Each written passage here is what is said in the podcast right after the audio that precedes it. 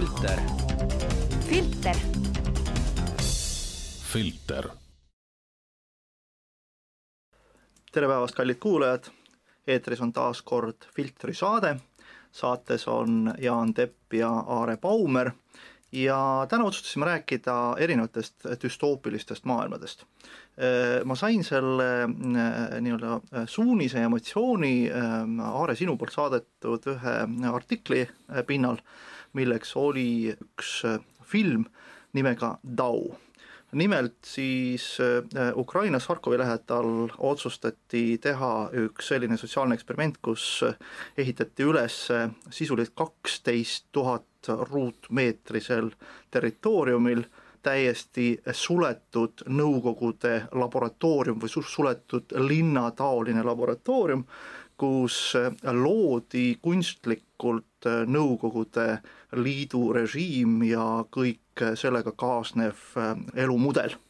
eksperiment siis praktiliselt on käinud täna kolm aastat ja natukene peale, film siiamaani vist ei ole veel välja tulnud sellest on küll olemas erinevad internetis erinevad äh, lingid ja, ja jupid, kuid mis on nagu üllatav, on see, et kui see maailm oli nüüd simuleeritud, Nõukogude Liit tuhat üheksasada viiskümmend, tuhat üheksasada kuuskümmend, suletud laboratoorium, suletud linn, teadusasutus, siis äh, kõik, kes sinna siis tulid, neid inimesi ja statiste on selles projektis olnud äh, tuhandeid siis eh, see kogu projekt on üles ehitatud niimoodi, et tegelikult nad ei saa minna pärast eh, võttepäeva koju, minna baari, eh, võtta siis üks Cordon Bleu näiteks ja, ja, ja vaadata Netflixi, vaid nad tegelikult kogu selle projekti jooksul pidid olema ja elama selles suletud ühiskonnas ja ka väljapool filmimist. Äh, sisuliselt käituma vastavalt oma ajastule. Nad ei saanud selga panna ei kaasaegseid riideid, neil ei olnud mitte ühtegi kaasaegseid asju, kõik detailid olid autentsed. ja mis on üllatav, inimeste psüühika muutus. kas sa saaksid natukene rääkida, Aare, miks sa selle lingi mulle saatsid ja miks sa arvad, et selline düstoopilise maailma mudel on meile päris nagu põnev analüüsida. jaa, kõigepealt tere ja siis äh, teda tegelikult nimetatakse stalinistlikuks Truman Show'ks, eks me teame filmi Truman Show'st, mis, mis tundus jah, mulle sellise muinasjutufilmina ja, ja samas, kui ma seda lugesin, siis ma lihtsalt ei uskunud oma silmi. Ja ma lugesin seda artiklit ja mõtlesin, no ei ole võimalik, tähendab, et meil on ikka Love Islandsid ja kõik, mida inimesed ju teavad, eks ole, et lähete sinna, saate kellegagi tuttavaks ja nii edasi, õhtul sööte kõike. aga ma, ma keriks tegelikult kõige selle algusesse ühe episoodi oma suhtelisest noorusest, kui minu noorem tütar oli äh, umbes, umbes kümme aastat vana. Ja see saabki tegelikult, äh, ma ütlen praegusel hetkel selle vestluse mõttekohaks ja see on nimelt niimoodi, et Jurassic Parki film me teame Jurassic Parki hästi, kui enne Jurassic Parki olid kõik dinosaurused lollid, aeglased ja, ja mörisesid, siis pärast Jurassic Parki selgus, et nad on umbes niisuguse keskmise võidusõidu mootorrattakiirusega, natukene näljased ja väga targad nii et, et see on kaks maailma ja nüüd äh, siis need on täiesti eri maailmad. ühel juhul, ühel maailmal me oleme olukorras, kus, äh, kus ühes teises filmis reaalselt äh, üheks ka mulle meeldivad ulmefilmid ja selles ühes maailmas, kus kosmonaut läheb ja võtab Veenuse hüpoteetilise dinosauruse sabast verd ja ta võtab seda püstoliga, ehk tulistab püstoliga sabasse, siis paneb katseklaasi alla, mul on see koht täiesti meelde. ja alles siis, kui ta lange, läheb alt, mägedest alla, sellest mäe küljest alla, läheb, istub laeva, siis dinosaurus pöörab pead. ja siis nad naeravad selle üle, et ütleb, talle jõudis alles nüüd kohale. ja nüüd äh, see, mis tähendab, et vaata, inimene on, ta juhib seda keskkonda ta juhib ja, ja ta on kindel, et ta juhib, tal on juhi roll ta juhib, ta suudab seda juhtida, nüüd ma toon selle oma, oma noorema tütre episoodi tagasi ja, ja ütlen niimoodi, et Jurassic Parkis juhtus selline olukord, kus ühel hetkel, kus see perekond põgeneb laepaneelide kaudu. Ja siis on tehtud seal nagu CGI-s ehk siis kompuuteri genereeritud äh, image'is, eks ole, piltide peal on selline koht, kus, kus nad rõmbavad üles ja siis see viimane tõmbab oma jala ära. Ja nüüd see CGI-s on tehtud niimoodi, et seal on vii, mingi viis sentimeetrit vahet sellega, kuidas siis see Velociraptor hüppab järgi. Nüüd kompuutris võid sa ka nii teha, et ta puudutab ninaga seda jalga, jah? Või midagi muud, tavaliselt filmides tehakse. mida ma toon näite, see on sellepärast, et kui me esimest korda seda vaatasime, siis, äh, siis mu tütar tõmbas jala ära ta tegi täiesti mitte kontrollitud liigutuse. ja vaat need kõik sellised Jurassic Pargid ja kõik filmid, me eeldame, et nad on sellised mõnusad muinasjutud, natuke koledamad, mõnele kirjutatakse juurde, et see on see kategooria, mida alla kuueteistaastased ei tohi vaadata, sakslased teevad seda pidulikult edasi siiamaani õhtuti. aga, aga me eeldame seda, et me vaatame selle filmi või selle loo ära ja pärast läheme laiali ja pärast on tavaline normaalne elu siin on nagu äh, huvitavalt sisse toodud aja mõiste, et äh, ka mina mäletan oma, ma mäletan, kas esimene või teine klassi poiss, äh, kunagi oli mingi esimene dinosauruste film oli jaapanlastega, tunnistan, ma enam ei mäleta selle filmi nime aga mulle see film avaldas ka kohutavalt äh, mõju. aga, aga samas, kui ma sedasama filmi mõni aeg hiljem, hiljem vaatasin, siis kõik tundus selline aeglane, kõik olid nagu tehtud äh, plastmassist ja tunduvalt äh, mitte meeldiv. ehk aeg on nagu selline asi, mille peal täna nagu düstoopilised maailmad väga palju nagu mängivad. ehk see, see kiirus, mille sa just ütlesid, Jurassic Park versus siis mingi kümme aastat või, või vanad, võta, võta kuuekümne, King Kong, kuuekümne aastase King Kong, eks ole, et et, et nagu, nagu mee-, meeldiv mõmmi oli see King Kong ja võtad need kaasaegsed äh, filmid, hoopis teine, kiirus. ehk, ehk nagu selles suhtes aja mõiste lineaarsena. et, et tänapäeval äh, kipub jällegi olema see äh, nähtus, kus me paneme kiirust juurde pidevalt. et me räägime kiiremini, me reageerime kiiremini, meie uudised liiguvad kiiremini, sellega kaasab loomulikult teatud mõttes nagu selline pinnapealsus, aga, aga mida saavutame, saavutame seda, et, et su tütar tõmbab jala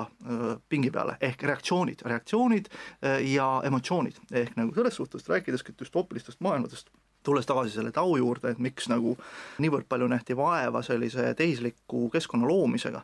oluline nüüd küll, küll, küll tau kohta kriitikud, nii palju kui nad seda näinud on, on öelnud, et et, et suhteliselt igav ja suhteliselt pikk ja suhteliselt äh, mitte midagi seal ei juhtu, emotsioone nagu pole, aga see film, mille miks ta mulle nagu noh, see intrigeeriv see artikkel tundus, oligi see, et seal ei olegi üles ehitatud äh, asju emotsioonide peale, vaid asjad on üles ehitatud nagu olemuse peale. et sa saaksid võimalikult autentse sellise feeling'u. me ennem rääkisime siin ka nagu muusikast, et, et muusika, kus ühelt poolt helilooja loob uut muusikat, et siis kas ta äh, kas ta tegeleb sample imisega või ta tegeleb uue muusika loomisega, mis on täiesti kaks erinevat nagu loomisprotsessi ja no selle muusika juures ongi, et, et, et äh, me, me käsitleme tegelikult ju oma tavalises elus, vähemasti minul on isiklikult selline tunne, vähemasti oma kohta, eks ole, et käsitleme nii muusikat kui ka visuaali natuke nagu erinevalt, aga, aga äh, kujutame nüüd endale ette heliloojat, kelle käes oleks näiteks viiul, mis ei häälestu mis, mis on kehva, ta võib öelda selle kohta kehva, eks ole, see võib olla väga hea viiul, aga ta ei saa seda häälda. aga tema tahab luua nagu parimat, nüüd ta proovib parimat ja ühel hetkel ta avastab, et kõige lihtsam lahendus ongi osta endale kõik need helid sisse, osta maailma parima orkestri helid, mis tegelikult võib-olla on pärit hoopis mingisugusest salvestusest. ja nüüd ta paneb selle sampleri käima ja nüüd, kui see sagedus on nii kõrge, ma ütlen võib-olla, et kuulajad ei tea, lihtsalt kui väga kõrge sageduse puhul ei ole võimalik enam eristada seda, et kas, kas see, kui sa vajutad kodus klahve sõna otseses mõttes,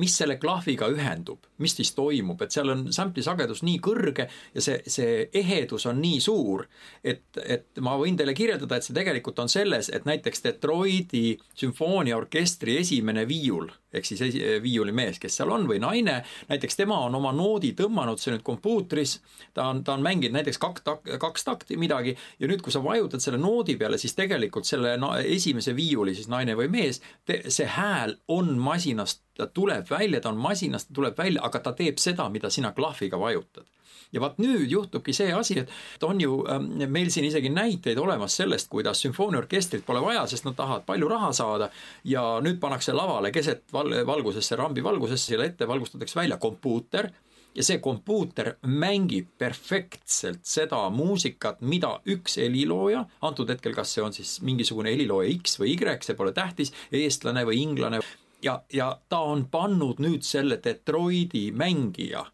tema enda teadmata, on pannud ükskõik mida mängima, ükskõik mida. see on põhimõtteliselt võimalik. praegusel hetkel me liigume visuaalide suunas samuti. ja see tegelikult ei ole ju midagi muud kui lihtsalt näitemäng see on, see on muinasjutt, see on seesama muinasjutt, et kui sa väga väiksele lapsele räägid väga ilmekalt seda, kuidas kolm karu lähevad jalutama ja kulddokikene tuleb, eks ole, siis, siis see on väikse lapse seisukohalt seesama. Ehk siis täiskasvanu seisukohalt, kui me loome nüüd mingi eheda keskkonna ja nimetame seda teemapargiks, siis no ma ütlen, et kollane ajakirjandus võtab sellest kinni ja hakkab kirjeldama, kuidas see nõukaaeg oli ja mis seal veel oli ja milliseid paberasju suitsetati ja kas raha oli. see ei ole tähtis, küsimus on selles, et me külastame inimese meeled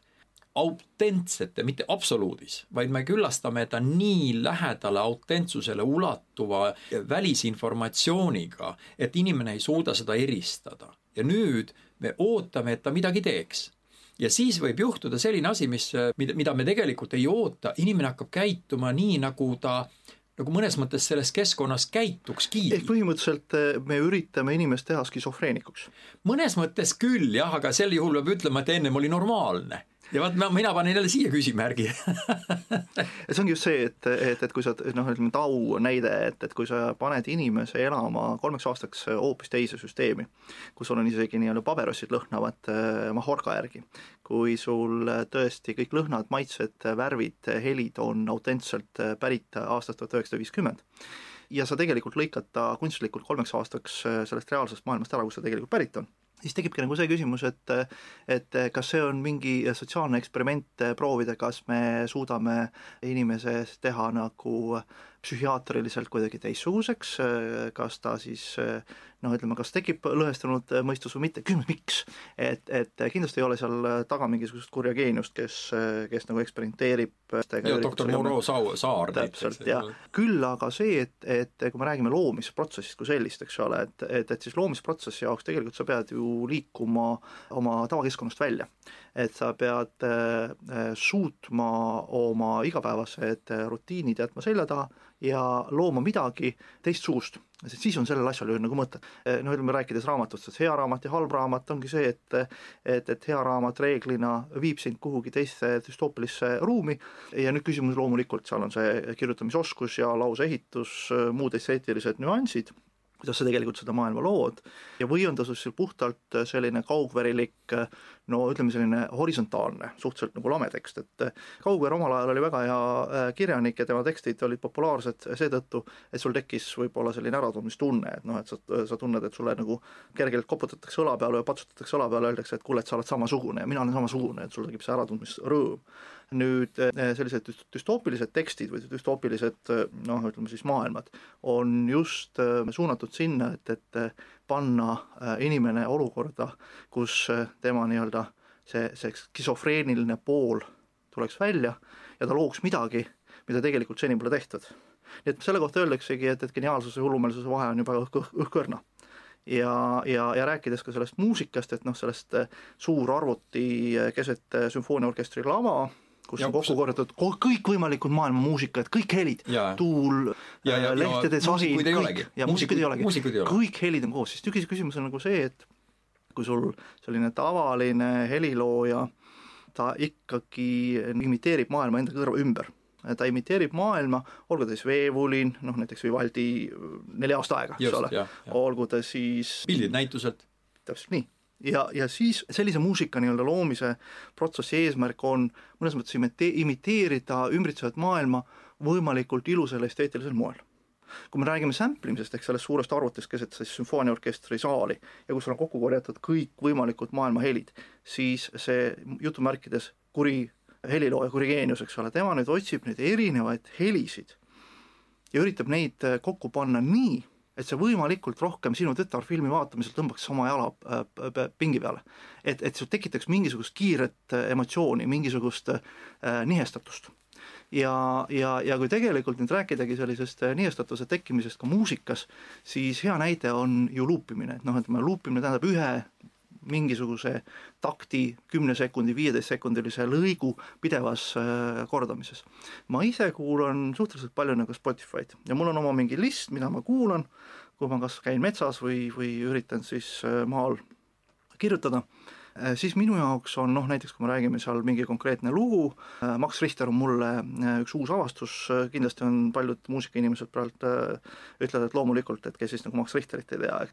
ja, ja, ja, ja mina olen näiteks tema nagu lugudes leidnud mingisuguseid selliseid väärtuslikke kohti, mida ma ise olen hakanud enda jaoks nagu luupima, ehk noh, et ma, tal on võib-olla loo pikkus on, oletame seal mingi viis minutit, ja kui ma kujutan ette, et üks muusik, kui me räägime jälle sellest klassikalisest imitatiivsest loomise protsessist, kus, kus selle nelja-viie minuti loomiseks tegelikult võib üks helilooja näha vaeva kuus kuud, aasta. ja, ja teiselt poolt on meil siis nii-öelda see suur arvuti, mis sul sample ib erinevaid helisid kokku. ja, ja, ja kui nüüd ühel hetkel sellest samast viiest minutist äh, tegelikult võib öelda, õnnestunud on kümme sekundit, on see kümme sekundit, mis paneb sul kananaha, tekitab kananaha ihule. ja nüüd see arvuti kui see sinna sisse on üles otsitud, see jällegi see artificial intelligence ehk, ehk siis äh, kunstlik intelligentsus, ehk see suur arvuti seal äh, sümfooniaorkestri lava peal. ja kui, kui, kui tema nüüd teab, kui oletame, et me oleme ka liitunud kõikide nende erinevate neuronvõrkudega, eks, ja, ja ühel hetkel see robot teab, et vot see konkreetne heli tekitab sellele inimesele äh, külmavärinaid. ahaa, aga pane kümme tükki neid üksteise otsa ja nüüd sa kuulad seda Spotify'd ja siis sul ühel hetkel see arvuti panebki need kümme tükki, sa oled kümme sekundit, mitte kümme sekundit ei jookse sul külma, külmavärinad, vaid sul jookseb siis juba kümme korda kümme sekundit külmavärinad. ja nüüd me jõuame väga huvitava sellise düstoopilise maailmamudeli põhjusjuurte juurde, miks me seda teeme, see ongi see, et tegelikult mõnes mõttes noh, jälle me kasutame mingi terminit siin kurigeenius, mis iganes, et, et kas see on mõnes mõttes see, kas me ise tahame põgeneda, meile aidatakse põgeneda düstoopilisse maailma või, või me tegelikult lükatakse sinna düstoopilise maailma suunas jah, siin ma võingi ainult öelda oma arvamuse, ehk siis äh, olles, olles natukene uurinud ennast ja harinud äh, ennast äh, fraktaalsete võrkude alal, eriti just selliste võrkude alal, mis ei mis, mis ei ole nii-öelda noh, inimese poolt määratletud või oma, oma selle kasvamise käigus, siis see, millest ma olen aru saanud, on tegelikult niisugune lugu. et äh, fraktaalsed võrgud, need on siis äh, ütleme, mitte need võrgud, vaata nagu mm, keegi joonistab äh, mingi ettevõtte sellega, et kõigepealt on direktor kastike, eks ole, siis on edasi on asu, need asejuhatajad, nii edasi. et kui inimene päris ei tea, mis on fraktaalsus, siis see tähendab seda rohkem, et et äh, näiteks fraktaalne mittelineaarne võrgustik tähendaks, meenutab mõnes mõttes nagu lennukite, äh, neid lennumarsruute Tallinnast et see on nagu igale poole võimalus, võimalusel ja siis omakorda veel kuskile ja veel tagasi kolme-nelja kohaga ma vahepeal juba tahtsin vastata, kui sa rääkisid, aga ma vastaks tegelikult poole, sinu poole jutu pealt kõigepealt esimesele küsimusele. ja see on siis nagu see, et, et kui miski asi on nagu perfektne, me ajame seda perfektsust taga. me ütleme, et näete, tema ajas, see kunstnik ajas perfektsust taga või see muusik ajas perfektsust taga, ta kõikes perfektselt. siis äh, siis mul tuleb meelde selline olukord, kus inimene tegelikult, kui ta on muusik ja kui tal on käes näiteks instrument, siis ta, ta ei ole perfektne, ta ei saagi olla perfektne, sest tema muusikainstrument on mittelineaarne üldjuhul. ja vaat see mittelineaarsus on omane, mittelineaarne tähendab siis seda, et täna tõmbad, oletame, et sul on hea tuju ja nüüd, nüüd, eks ole, sa tõmbad mööda viiuli, viiuli keelt, tõmbad poognaga, aga see küsimus on selles, et juba kampol on teistsugune, juba kampoli temperatuur on teine, sinu tuju on teine, kõik on teine. Ja nüüd tulebki välja, et, et, et milles see professionaalsus siis seisneb, eks ole, et oletame, meil on kuulus muusik, kuulus viiuldaja, tuleb meile külla ja ühel hetkel tal on natuke paha tuju, näiteks juhtus midagi. ja vaat nüüd see paha tuju nagu reflekteerub selles, see, see kurb tuju näiteks, melanhoolia reflekteerub selles. ja kui ta reflekteerub, siis, siis ta nagu mängib seda lugu ja siis, aga kuna sul endal võib ka kurb tuju olla, siis võib juhtuda, et need kaks kurba liituvad ja me saame mingisuguse väga huvitava liigutava fenomeni, liigutava emotsiooni ja inimene siis ütleb, et ta mängis fenomenaalselt hästi, see mängis minu heli nende südamekeeltel näiteks, ma toon näite. oletame, et kellelgi teisel on näiteks, ta on võitnud, ütleme, loteriiga või võitnud mingi suure summa näiteks, no võtame, võtame näiteks no ikka suure summa, näiteks sada tuhat euri, eks ole, no tal ei ole ju melanhooliat kõigepealt. aga ikkagi see mittelineaarne fraktaalsus. just täpselt ja ma tahtsingi öelda, et nüüd juhtubki see lugu, et, et me inimestena ei märka seda. seda mittelineaarset fraktaalsust, ehk siis me ei märka nagu seda, et me kõik äh, pidevalt eksime. aga me, me püüdleme selle poole, just nagu oleks olemas mingi professionaalsus niimoodi, et ükskõik, et võtad muusiku välja tagataskust, paned ta potsti lavale, lased talle õige valguse peale, õige temperatuuri määrad kindlaks, see on väga oluline muusikainstrumendi puhul. Ja nüüd ta mängib alati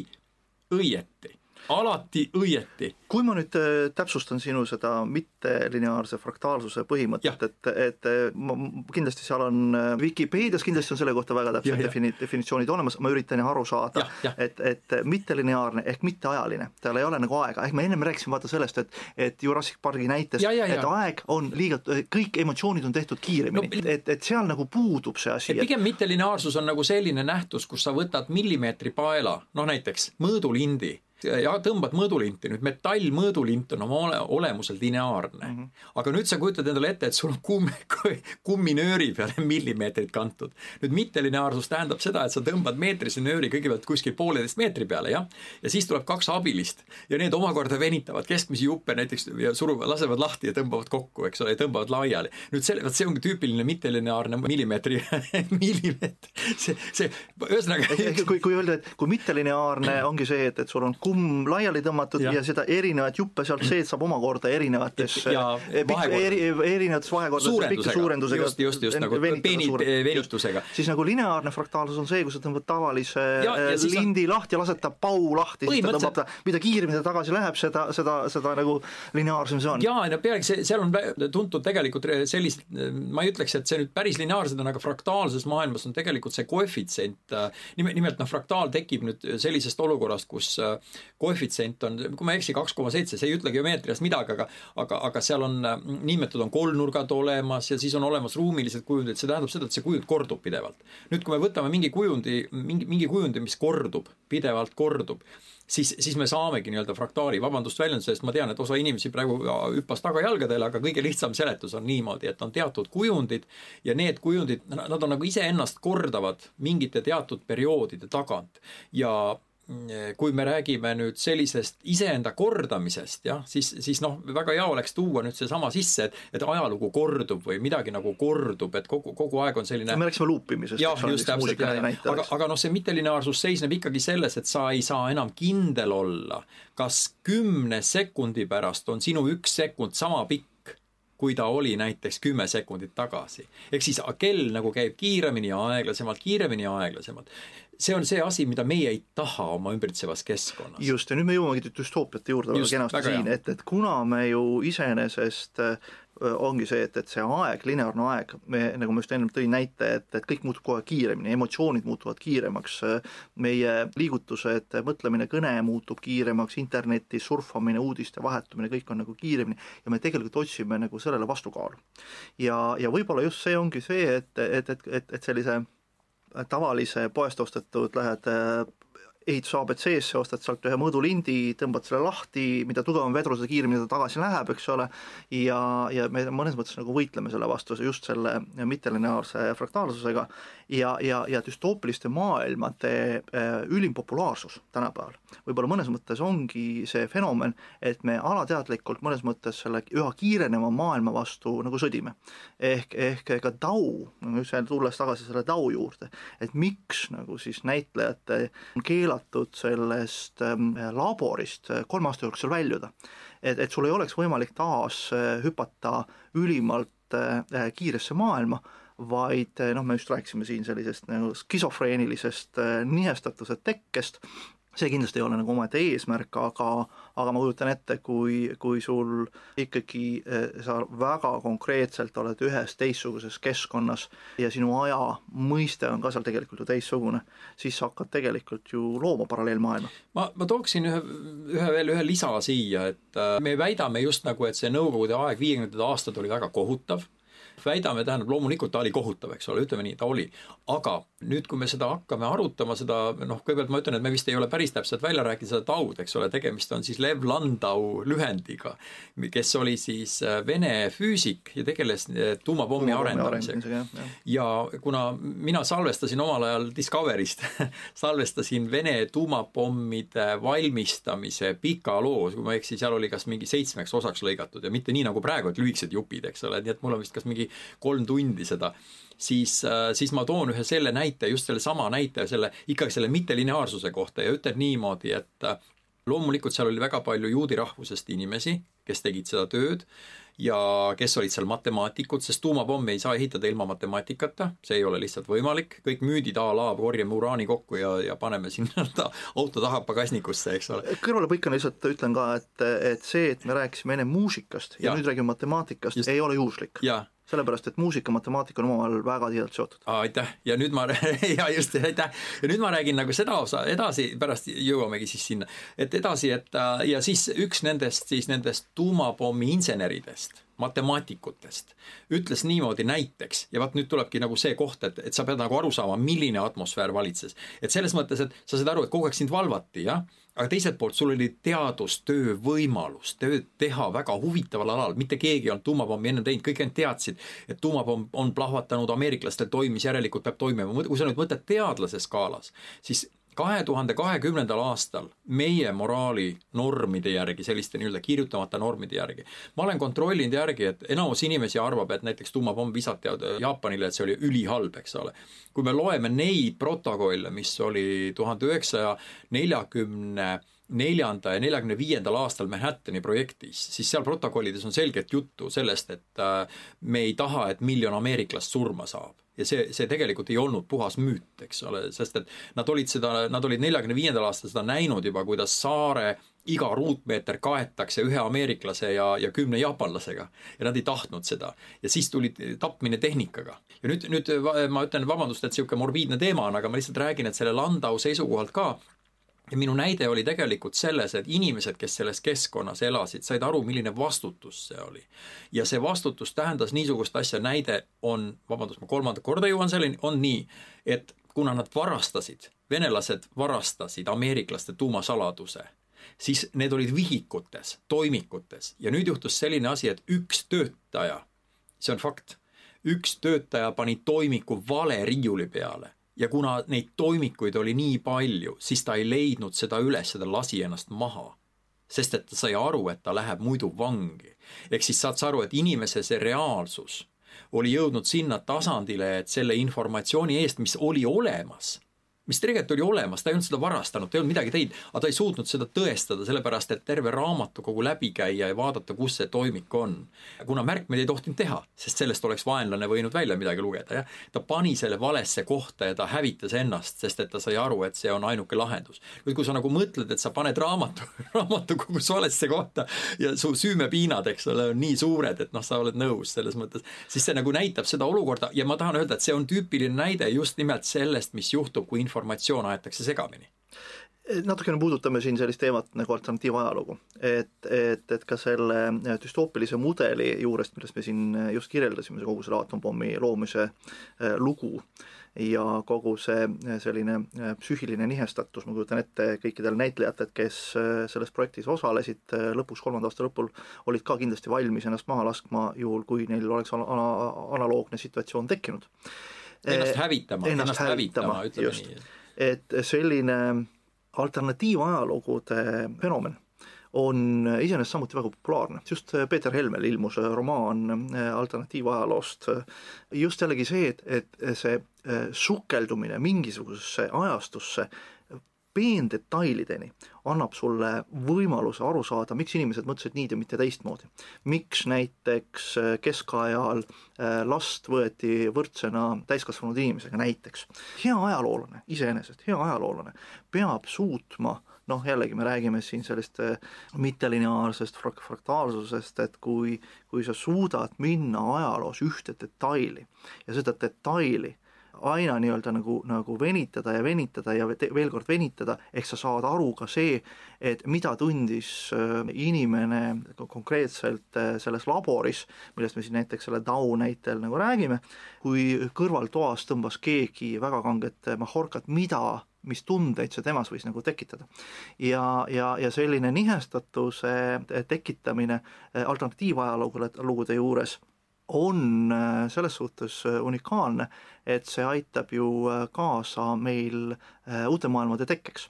ja, ja, ja siin võiks taaskord rääkidagi selle Peeter Helme raamatust, mida sa just nähtavasti siin nüüd internetist üles leidsid. ma tegelikult võtsingi ette just, kasutades internetti, mis on ju ka, eks ole, nii-öelda minu jaoks näiteks häälestatud siin, minu leht, eks ole. ja sellisest mehest nagu Everett, Everett kolmas tegelikult siis Hugh Everett siis tegemist on ühe matemaatikuga, kes põhimõtteliselt äh, avastas sellise nagu öeldakse, MB, MWI ehk siis Many World Inter-, Interpretation. ehk siis füüsikas ta avastas selle võimaluse, et kui sa hakkad mõõtma mingit osakest, siis sellel hetkel, kui sa mõõdad osakese, tegemist on kvantmaailmaga, siis osakene, just nagu need maailmad, need ajalood jagunevad kaheks ühes tehakse mõõtmine, ta on seal, teises tehakse mõõtmine, ta on seal. nüüd, nüüd kuidas need kaks mõõtjat ja kaks osakest omavahel kuidagi kommunikeeruvad, selgub, et ei kommunikeerugi. nüüd pane tähele, kui inimene usub sellesse ja, ja ta tõestab teaduslikult ära, et maailm jaguneb kaheks, ta lõi hüpoteesi, siis, siis võib juhtuda, et ta, ta hakkabki uskuma sellesse oma keskkonda, ta hakkab sellesse reaalselt uskuma, ta ütleb, et noh, et aga ma tõestasin ära selle. ja vaat siit me jõuame selles mõttes matemaatiku, jõuame nüüd matemaatika juurde ka, aga no ma kirjeldan lihtsalt Everetti, kes tegelikult oli, nagu siin on praegu viiekümne üheselt äh,, uskus ta kvant surematusse, mis tegelikult tähendaski seda, et ta uskus reaalselt surematust, oli ateist. ja, ja suri ära ka nagu, nagu tema kohta ütleb tema poeg, et, et ma olen natukene pahane ta peale, sellepärast et tema isa ei pidanud enda eest mingit hoolt ja, ja lõpus ta muutus ülekaaluliseks, suitsetas kolm pakki suitse päevas ja väga huvitav, jõi nagu kala ja mitte kunagi ei teinud sporti. ja ma tean, et noh, tegelikult kogu see nende perega juhtus, et tütar seal proovis enesetapu teha, kui sa võtad nüüd selle, et, et ta matemaatikuna sai aru et matemaatika valitseb maailma ja niipea, kui me võtame ette matemaatilised seadused, tekib meil just seesama küsimus, et, et, et me ise teeme vigu, aga Mata ei tee vigu, eks ole, mõnes mõttes ta, matemaatikas ei ole vigu, ei ole olemas. siis, siis me jõuamegi nagu sellesse olukorda, et kas sa hakkad seda uskuma, muidu ta oli ateist veel kord, eks ole, aga ta uskus surematusse. kvantsurematus, noh, põhimõtteliselt see, see sama välja no.. see, see tuleneb nagu sellest, et matemaatika on unikaalne distsipliin, mis on oma olemuselt religioonile väga lähedale. seetõttu, et matemaatilisi mudeleid võid sa äh, arendada lõpmatusse. ja samamoodi nii nagu muusika, et, et nii nagu sa muusikas võid iseenesest luua lõpmatu hulga erinevaid äh, mudeleid, äh, viise, motiive, nii ka matemaatikas. ja, ja lõpmatus matemaatikute maailmas on, on, on miski, mida ju pidevalt nagu otsitakse ja seda lõpmatut valemit ju nagu ka otsitakse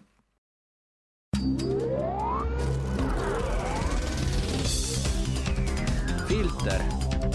filter. filter. saates on Jaan Tepp ja Aare Baumer ja täna otsustasime rääkida erinevatest düstoopilistest maailmadest tulles siis äh, korraks nüüd uuesti düstoopiliste mudelite juurde, et, et eks ka need düstoopilised mudelid meie ühiskonnas on midagi, mida me nagu ühelt poolt nagu otsime ja kas see nüüd on soov põgeneda reaalsusest, kas see on soov tõestada midagi, mida teised ei ole näinud, või on see selles suhtes hea näide, ma olen seda varem vist kusagil saates juba toonud, kui kaks Austraalia pärismaalast satuvad müüri ette, kus teisel pool müriseb ekskavaator ja üks astub esimese õlale ja vaatab üle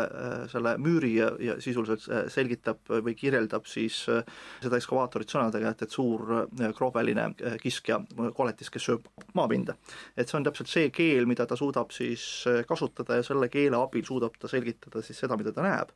ehk, ehk matemaatikud ühelt poolt äh, üritavad ju täpselt samamoodi selgitada maailma läbi mingite mudelite, mida nemad saavad aru ja siis nad peavad seda vahendama siis äh, tavakeeles meile ja ma muidugi veel lisaks siia juurde selle, et üks pro-, üks probleem, mis meil tegelikult selle oma ajuga tekibki, on, et, et kuna aju ei ole äh, mõnes mõttes aju ei räägi matemaatika keelt, nii öeldakse. aju räägib statistikas küll jah, aga ta, ta nagu statistiliselt võtab otsuse vastu, mitte see, et kaks pluss kaks on neli, seda teeb kompuuter ja sellest kohast tulebki jälle sama probleem, see subjektiivsus tuleb sisse, subjektiivsus sõna otseses mõttes, et me, me hindame noh, näiteks mingit muusikapala, hindame selle järgi, milline on meie enda meeleolu muusik mängib seda oma meeleolu järgi, tuul puhub, jalad külmetavad või siis vastupidi, on nii palav, et äh, sulle väljas on kolmkümmend viis kraadi, keegi mängib smokiga, eks ole, kujutad endale ette frakis näiteks mingisugust lugu ja, ja no kujutame endale hästi absurdset olukorda ette, et sa oled näiteks, meil on kuumalaine ja, ja sa oled kutsunud endale keelpilli kvarteti mängima lihtsalt õue peale ja siis nemad mängivad seal seda talvelugu. Just, viis talvelugu väljas on, eks ole, kolmkümmend viis kraadi ja tekib jälle mingi nihestutus, eks ole. jah, just täpselt, et et noh, et kuidas inimene seda vastu võtab, et siis ta ei võta seda vastu, sest see, see nii-öelda ei helise tema meelekeeltel, eks ole, aga aga me puutudes kokku selle matemaatika absoluutsusega just, et kaks pluss kaks on neli, et kui me aju töötaks niimoodi, siis me olekski robotid. Sellepärast, et siis me oleks kompuutrid, esiteks, kompuuter ei valeta, sest kompuuter arvutab kaks pluss kaks on neli. kas ma saan nagu umbes aru sellest, et kuhu me jõuame, on see, et me läbi düstoopiliste maailmade tegelikult äh, sõdime siis äh, artificial intelligence'i vastu? see, see on hea tähelepanek ja sellepärast, et vaata, oletame, et kui me asendaksime kohtuniku kompuutritega siis sellest tuleks nii palju häda ja õnnetust, sest, sest noh, kohtunik ikkagi on subjektiivne, ta võib ikkagi otsuse kellegi natuke kasuks teha. ehk siis kompuutri puhul on niimoodi, et kui on määratud kindlaks näiteks, et bussisõidutrahv on, on niisugune, siis teda üldse ei huvita, et kas tegemist on imetama emaga või äh, viimase, viimase kusjuures tegelikult, jaa, aga kusjuures tegelikult äh, see on huvitav teema, et äh, seda on diskuteeritud õigusteadlaste seas väga tõsiselt. kas on võimalik komput-, komputeriseerida õigusemõistmist. teoreetiliselt on aga küsimus on lihtsalt see, et mis, mis õigusemõistmine siis tegelikult on ja mis õigus see tegelikult on, et sa saad ju väga selgelt teha maatriksi. võttis noa, nuga oli nii pikk lõi, lõi jalga kätte südamesse, eks ole, suri, ei surnud, mis oli kahju. kõik on võimalik panna nagu maatriksisse ja siis on vastas teisel pool on sul kõik seadus, seadusandlus, mis siis tegelikult peaks selle eest tulema. Ja kui kompuuter langetab nüüd otsuse, jah, ta võttis noa, tekitas ka raskeid kehavigastusi, inimene oli nii ja nii kaua, oli näiteks haiglas, tema töövõimetus oli nii pikk, no ütlebki, et sa pead minema siis kuueks aastaks vangi ja maksma niivõrd palju konkreetselt siis valuraha arvuti saab sellega hakkama palju kergemini kui inimene. jaa, see on Exceli tabel. see on Exceli tabel. miks me seda ei tee? ja see on see on hea küsimus, eks ole, et, et mis on siis see subjektiivne küsimus, et, et miks me tahame õiguse mõistmises säilitada subjektiivsust? Kas see on jällegi meie mingi alateadlik soov äh, mõnes mõttes äh, võidelda siis äh, reglementeeritud kunstliku teadusliku intellekti vastu? tead, vaata nüüd ma tooksin sisse ühe sellise lõbusama, sest ma arvan, et võib-olla meie kuulajad on natuke ära ehmatanud sellest, sellest tuumapommidest ja nendest asjadest. küll on morbiidsed tüübid, eks ole. just, just, just, lõbustades natuke ühe teise asjaga, sa tõid sisse praegu vaata selle kaose osa ja nüüd me jõuame selle juurde, et sina seda materjali minu arust vist ei ole saanud minu käest, küll aga me jõuame Käsna Kalleni et, et läks lõbusamaks natuke. ega sina Käsna-Kalle seda analüüsi, analüüsi, analüüsi mitte, aga analüüsi ei ole, jaa, et vaata, kuna Käsna-Kalle idee autor suri ära hiljuti, kahju, et aga tõesti, ma vabandan, vabandan täiesti, kui ta mind praegu seal ülemistel pilve pealt kuuleb, aga et ma tahan öelda seda, et ma täp-, nime täpselt ei mäleta. nii, aga nüüd on selline asi, et mina ei olnud kunagi, tähendab, ma tundsin, et Käsna-Kalle on nagu põhimõtteliselt kuidagi mulle sobib. kuidagi nagu sobib, aga need naljad on kõik siuksed täiskasvanute naljad ja siis, kui ta suri, siis avaldati ja ma tõmbasin selle endale muidugi alla masinasse, eks ole, ja lugesin ja avaldati tema selline, kuidas öelda, filosoofiline Käsna-Kalle multifilmi analüüs, tegelaskujude analüüs. ja siis selgus tõde.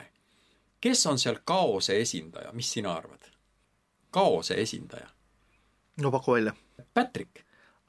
ehk siis meritäht. ehk siis on niimoodi, et Krabi on klassikaline kapitalist äh,, siis Kalmer, Kalmar see on tüüpiline niisugune melanhoolik küünik, küünik kusjuures, eks ole, melanhoolik. nii, Kalle ise on selline optimist jah, aga natuke kontrollimatu, aga mitte kaos. ja see, kes toob kaose sisse,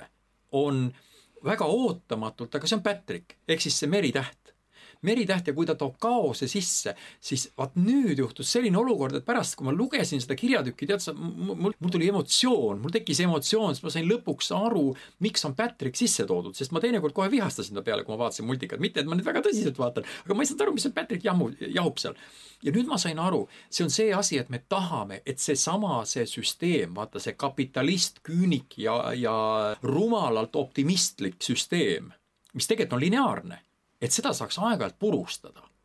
ja Patrick toobki selle sisse ja tasakaalustab võrrandi. sa mõtle selle peale kui matemaatilise võrrandi peale, kus ühel pool, veel kord ma ütlen, eks ole, et, et ka lugejad kindlasti või kuulajad, vabandust, aru saavad, et siis meil on tegemist pesuehtsa kapitalistiga, kellel käib kõll, eks ole, ja dollarid lendavad silmadest, eks ole, ja siis on see kassakõll, kassaaparaadi kõll, siis on meil küünik, kes on nõus ennast maha müüma, peaasi, et ta saaks nagu vaba päeva ja siis on meil optimist, eks ole, siis noh, nii-öelda me teame neid optimiste küll, eks ole, ta annab talle tööd ja ta, noh, ta teeb lihtsalt ära, eks ole. samal ajal purustab palju asju, sest et ta lihtsalt ei saa aru, et head tehes ta purustab. ja nüüd on see tegelane, see Patrick kes tegelikult käitub noh, täiesti kontrollimatult, et ta võib nagu üle hüpata teemadest, aga ta purustab süsteemi, ta laseb sellel uuesti kasvada. ja vaata, nüüd me jõuame minu arvates, vaata Jaan, me jõuamegi sellise olukorra juurde, kus võib-olla lausa emotsioonid löövad äh, üle pea kokku, vähemasti minu jaoks, sest et vaata, süsteemi purustamine selle uuesti kasvamise, kasvama andmise eesmärgil ongi ilmselt see, mida me tegelikult alateadlikult soovime et me tahame süsteemi üles ehitada siis me näeme, et see süsteem muutub meile kuidagi vaenulikuks ja siis me, me, me kuidagi nagu tahame teda purustada ja ta, ja siis me olemegi nagu see noateral kõndija. kes on kaasaegsed Wistlingid? Kui me räägime no, konkreetselt ja sa küsid, vasta ise, mina. ma ei ja, ja ma sellepärast mõtlengi, et, et me räägime süsteemi lõhkumisest, eks ja, ole, et, et, et masinad, masina vastu võitlejaid ajaloos on olnud piisavalt, eks ja, ole, et, et, et täna põhimõtteliselt süsteemi vastu võitlejaid on igas subkultuurses äh, grupis. Ja, ja kui me vaatame siin kas või Brexitit, see on kõige parem näide tegelikult ühe suure süsteemi vastu sõdimisest, et seal on erinevad motiivid sees, miks konkreetselt, eks ole, võetakse ette Euroopa Liit kui süsteem, et on see hea või halb ja miks me selle vastu nagu sõdima hakkame ja, ja miks me seda lammutada tahame. aga selliseid eh, nii-öelda nagu lammutamise algeid meie ühiskonnas on lõpmatult palju erinevates eh, gruppides, iga grupp tegelikult eh, soovib suuremat, teda ületavat sellist süsteemi ju, ju, ju lammutada, eks ole. see on ka ju sõdade filosoofia ega sõda, sõjad ei ole ainult see, et, et ma lähen võtan naabrimehelt võtan kivikirve võtan naabrimehelt parema, äh, parema põllu ära või, või, või, või selle või äh, hirve, mille tema nagu odavamalt äh, maha laskis. vaid sõdade loogika ongi see, et, et süsteemid tuleb lammutada, välja kujunenud sidemed, ühendused tuleb lammutada ja siis uuesti üles ehitada ja, ja ümber kujundada. ehk, ehk kui me vaatame klassikalise revolutsiooni põhimõtet, klassikaline revolutsioon tähendabki see, et et, et kui ühiskond hakkab etableeruma, klassikalises mõttes hakkab muutuma liikumatuks, et ta on valmis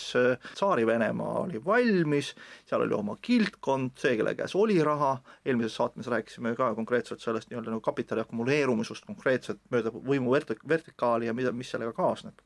Ja kui nüüd revolutsiooni äh, idee on, ongi nagu see, et, et sa hakkad ühe, ühel hetkel selle võimuvertikaali vastu sõdima ja seda süsteemi ümber jagama, selle äh, ümberjagamise mõte ongi see, et saada punkt üks ligi kapitalile, punkt kaks saada li, ligi võimule ja, ja loomulikult tegelikult tekitada endale ja sind ümbritsevale grupile teatud eeliseid. ja, ja nüüd me nüüd, kui nüüd analüüsida siin kergemalt, liikuda sinna, et, et mis siis nagu konkreetselt ka Euroopas toimub, ehk et kas me elame siis sellises täna düstoopilises mudelis, kas see düstoopiline mudel on välja kujunenud süsteem, on see siis mõnes mõttes eh, nii-öelda nagu soov tekitada düstoopilist eh, mudelit. Või on meil eh, konkreetselt ikkagi teatud pidev kvisting, kvistingiti liikumine, kus me sõdime mingite süsteemide vastu eesmärgil olemas välja kujunenud süsteemi lammutada, ümber jagada. Iseenesest, mis ma tahan siin nagu öelda, on see, et, et selline välja kujunenud süsteemide purunemine on paratamatu. et, et noh, me võime seda vaadata matemaatiliselt, me võime seda vaadata mis iganes mudelist, et kui sa valmis teed ka ühe mingi matemaatilise mudeli, lõpuks ka tuleb teine matemaatik, kes üritab seda ümber lükata, eks ole. ja ka poliitilistes süsteemides, kui me täna vaatame, mis valimistel toimub, et noh, üks poliitiline klann ütleb, et, et minu poliitiline maailm on parem kui sinu poliitiline maailm. et, et üks ütleb, et maailm on õnnelik, maailmas kõik on õnnelikud siis, kui me järame ainult porgandit teine ütleb, et maailm on hea ainult siis, kui me saame kiiresti rongiga sõita, ma ei tea, Brüsselisse. Brüsselisse, jah. just. ja, ja Varssavisse ka. ja Varssavisse ka, täpselt, just, just. et siin tegelikult ongi nagu mõnes mõttes see, et, et see, see meil, meil küll tunduvad, et, et, et siin on üks idee, mis, mis on parem kui teine ja meil on niisugune ideede võitlus, siis iseenesest ongi see niisugune pidev äh, katse äh, suuremat süsteemi nagu lammutada ja äh, mööda me ei saa loomulikult ka kapitalist ja kapitali äh, akumuleerumisest ja sellest, et, et kuidas meie Euroopa majandusmudel toimib, me siin eelmine kord rääkisime, et euro kakskümmend ja, ja see, et kas see, et euro püsib, on hea või halb, lõpuks me jõudsime sinna, et see, et euro püsib, on iseenesest on hea, et, et ta no, annab teatud sellise nagu, nagu stabiilsuse, et on selline nagu, mis hoiab siis erinevaid, erinevaid süsteeme koos täna on välja toodud täiesti uus termin, milleks on globalization. et kui me kogu aeg oleme rääkinud nii-öelda globalization'ist nähtusest, et nagu globaliseerumine ja globaliseerumine ongi see, et on üks suur mudel, mille siis kõik ütlevad, et see on nagu hea, see nagu kõik meile sobib ja nüüd järsku leiti, et oot-oot aga globaliseerumise kõrval on olemas ka globalization ehk, ehk on ka selline nagu aeglustumine. ja nüüd küsimus on see, et, et kas see on siis nii-öelda paljude selliste düstoopiliste mudelite omavahelise võitlumise tulemusena see, et keegi ei suuda enam ühel hetkel kokku leppida, et, et milline mudel on hea, mis mudel on nagu halb, või on see tegelikult majandus, majanduse tegelik jahtumine? tead sa, see oli väga hea, ma muide lugesin äh, Gustav Naani, ajalool on jõnks sees mind hakkas ikkagi huvitama see, et meil ei ole kellegi käest saanud küsida, et mis põhjustas nüüd ikkagi selle inimene, kes sai aru, kuidas töötab süsteem, süsteem., et, et noh, millisel hetkel ta oleks pidanud ikkagi siis jääma truuks sellele arusaamisele, vähem tegelema igasugusel isiklikul tasandil kellegi kirjanikuga jagelemisega, eks ole, et nende jagelemist ma seal lugesin ka. et eh, mõned nendest inimestest jah, nagu saavadki aru tõesti, et, et süsteem kui oma olemuselt, matemaatika ja see kõik on nagu olemas, eks ole, ja inimene toob sinna selle kaootilise teguri juurde. aga et lõppkokkuvõttes me ikkagi liigume edasi, sest näiteks üks selline termin, mille nimi on, kui ma ei eksi, see peaks olema isegi Maxwelli superaju või midagi säärast, et ühesõnaga see on siis see olukord, kus me tegelikult anname endale aru, et, et selline entroopia kasutamine, nii nagu meie seda teeme, viib paratamatult kusagil kosmoses viib sellise singulaarse mõistuse tekkimiseni, mis, mis, mis põhimõtteliselt on Jumal meie mõistes, ehk siis nagu ülimõistus. et tähendab, arutada, et mis vahe on siis ütleme siis jumalal ja ülimõistusel ei ole isegi mõtet, sest sama hästi võib vahetada, et mis vahe on valgel ja valgel. valgel ja puna, mustal näiteks ei ole mingit vahet tegelikult. ja nüüd vaat siin ongi seesama küsimus, et ma läheks natukene üldisema teema juurde, et see, mida ma ka fraktaalsete kohta jätsin ütlemata, fraktaalsete süsteemide kohta, on, et, et äh, see, mida jälgitakse nende puhul, on mingisugusel tasandil tekib seal just nagu uus kvaliteet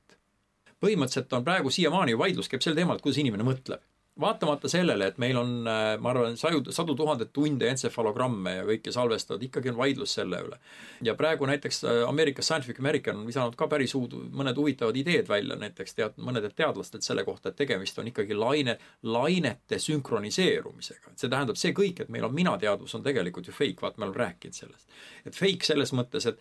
kõik on ju fake, õudne olukord, eks ole, et kõik on fake, et fake on meie see, kuidas me aru saame, fake on see, et me nimetame kedagi koeraks ja kedagi tapeedi, midagi tapeediks, lambiks, aga tegelikult see ongi see kokkuleplus. ja see on kokkuleppimine. see, see, siis me ei lähe hulluks vähemalt, mingisugunegi kokkuleplus on olemas. aga me teame ajaloos inimesi näiteks, kes on matemaatikud, kes ongi hulluks läinud, sellepärast et lihtsalt nad, nad on hakanud arvama, et, et see kõik, mis nende ümber toimib, ongi nagu fake, et selles mõttes ja nüüd see fake, et see ei ole nagu tõde ja, ja vaat nüüd, kui sa tahad nagu seda inimesena arvata ja siis vaadates nende kurba saatust, siis mul ongi tunne, et me tegelikult, ma kutsun inimesi nagu üles, et, et, et selles mõttes oleme siis nagu nukuteatris, et, et meil on näitleja, näitleja liigutab, lepime kokku, noh, selles mõttes, et lihtsalt selle nimel, et ellu jääda, eks ole. et jumal on suur nukumeister. jah, et tema ongi suur nukumeister, tema liigutab nukke ja et nüüd äh, põhimõtteliselt see nii käib sellepärast, et ta peabki nii käima, see on süsteemi, see on teatud süsteemi kvaliteedi tunnus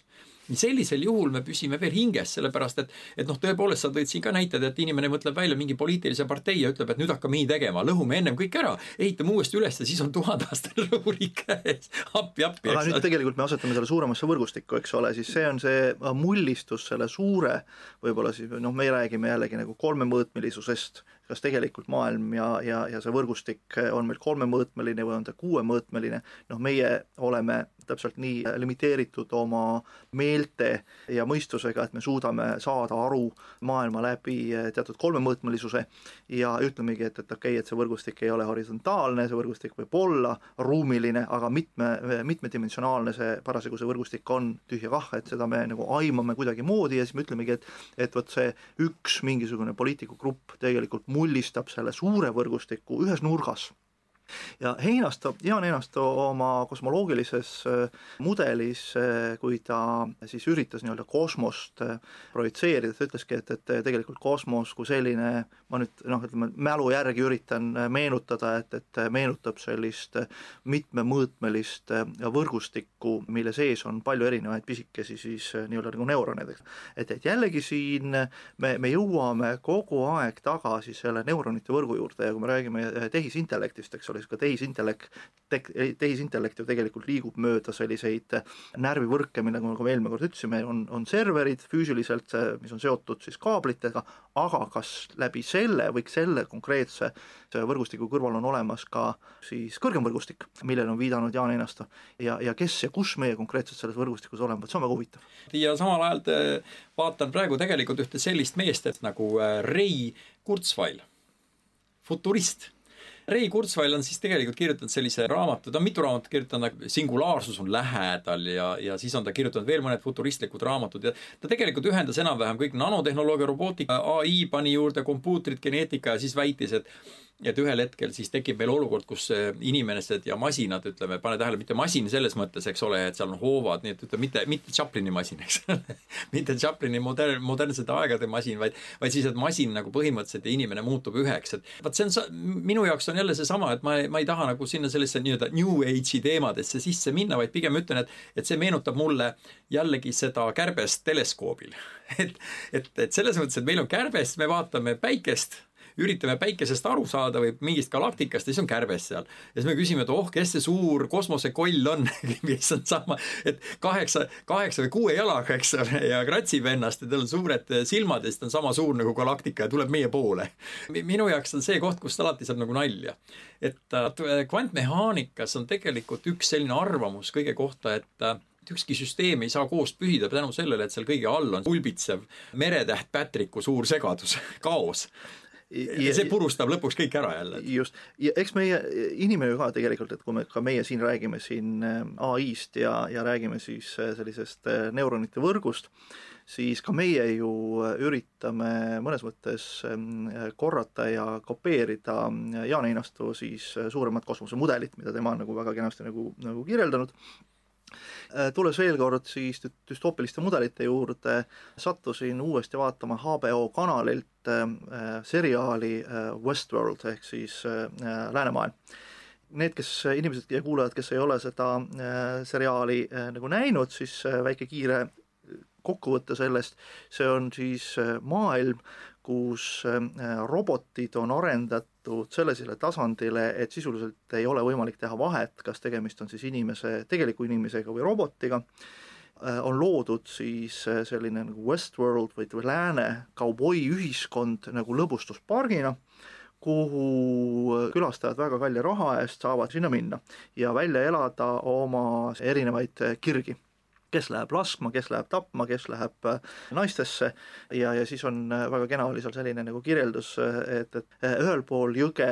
on siis pereinimestele, kus on siis selline põllumajanduslik tegevus, mis toimus siis tõenäoliselt kusagilt tuhat kaheksasada midagi, teisel pool jõge siis toimus kõik see muu. Põhiloogika selles Westworldis on see, et see robot mitte kunagi ei tõsta kätt tegeliku inimese vastu. Mitte kunagi, sest teda, teda on niimoodi programmeeritud. seal küll äh, olid erinevad stsenaariumid, kus äh, küll oli tõesti seal kõrtsikaklus ja kuidas üks äh, robot siis, kes oli nii-öelda tehtud halvaks seeriatapjaks, kus ta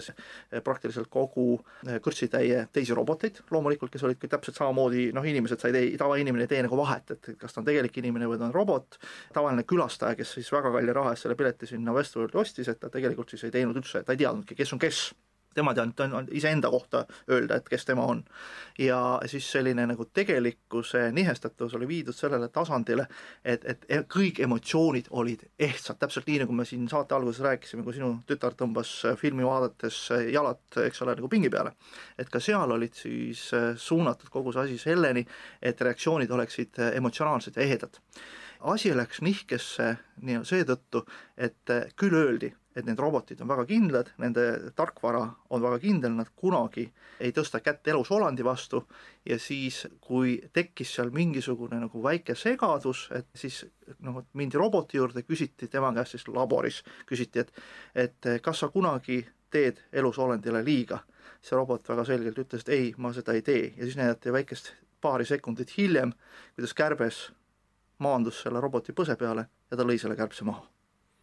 tekkis, tekkis ikkagi see nihe. just. ja mina olen muide näinud selle Westworldi esimest versiooni või ma ei tea, siis vahepealset seitsmekümnendate aastate versiooni, kus siis oli üks, üks kauboimees, kes siis ajas kõiki taga, eks ole, ja algas see kõik sellega, et oli teatud äh, masinasüsteemidesse tuli viga ja vaat seda teemat on ju Hollywood väga põhjalikult ju kogu aeg kasutanud, iga natukese aja tagant tekib mingi film, vaat siit tekibki nüüd see olukord, kus kompuutrid on näiliselt väga head, süsteem on lineaarne, kõik töötab hästi, kõik on kaks, kaks pluss kaks on neli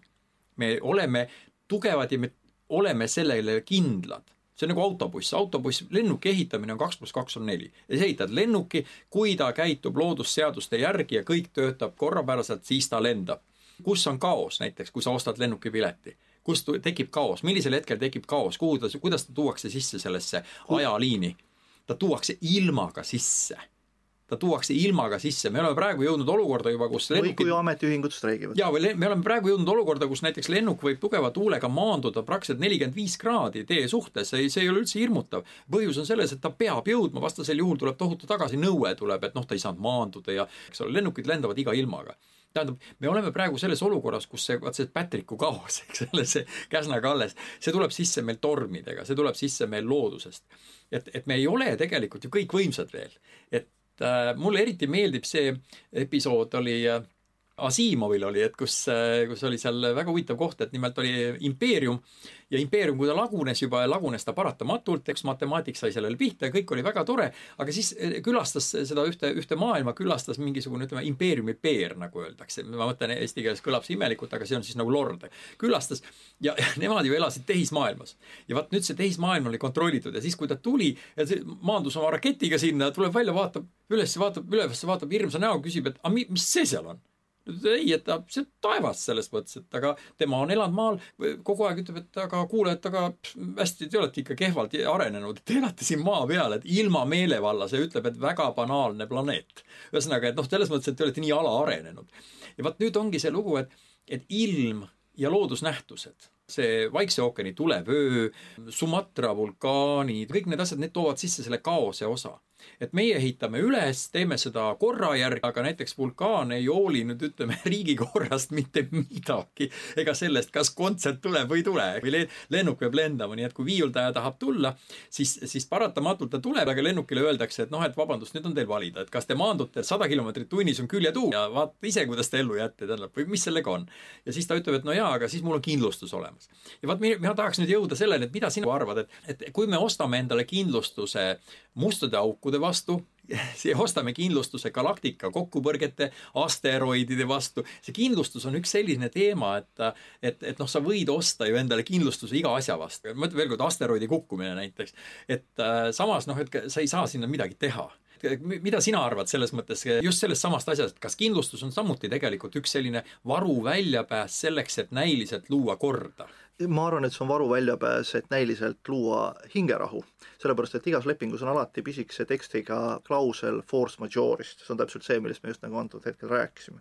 Eh, olles ise korjataja, ma olen eh, uurinud erinevaid eh, kindlustuse, kindlustuse versioone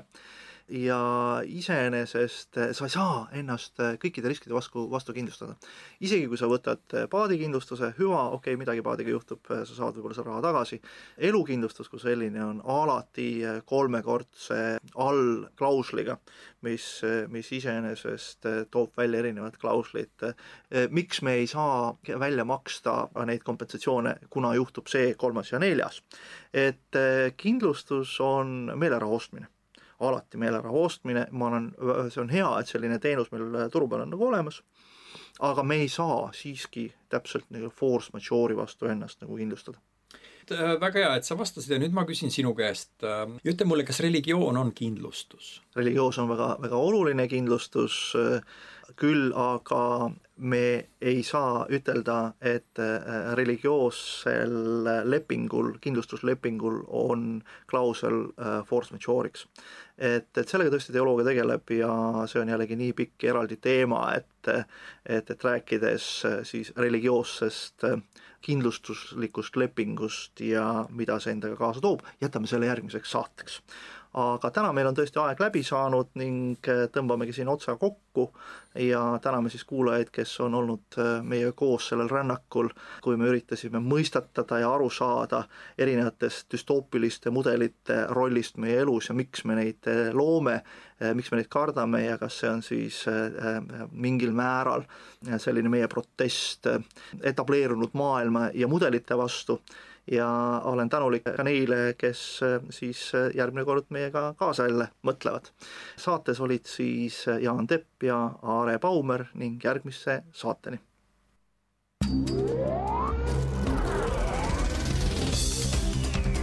filter. filter. filter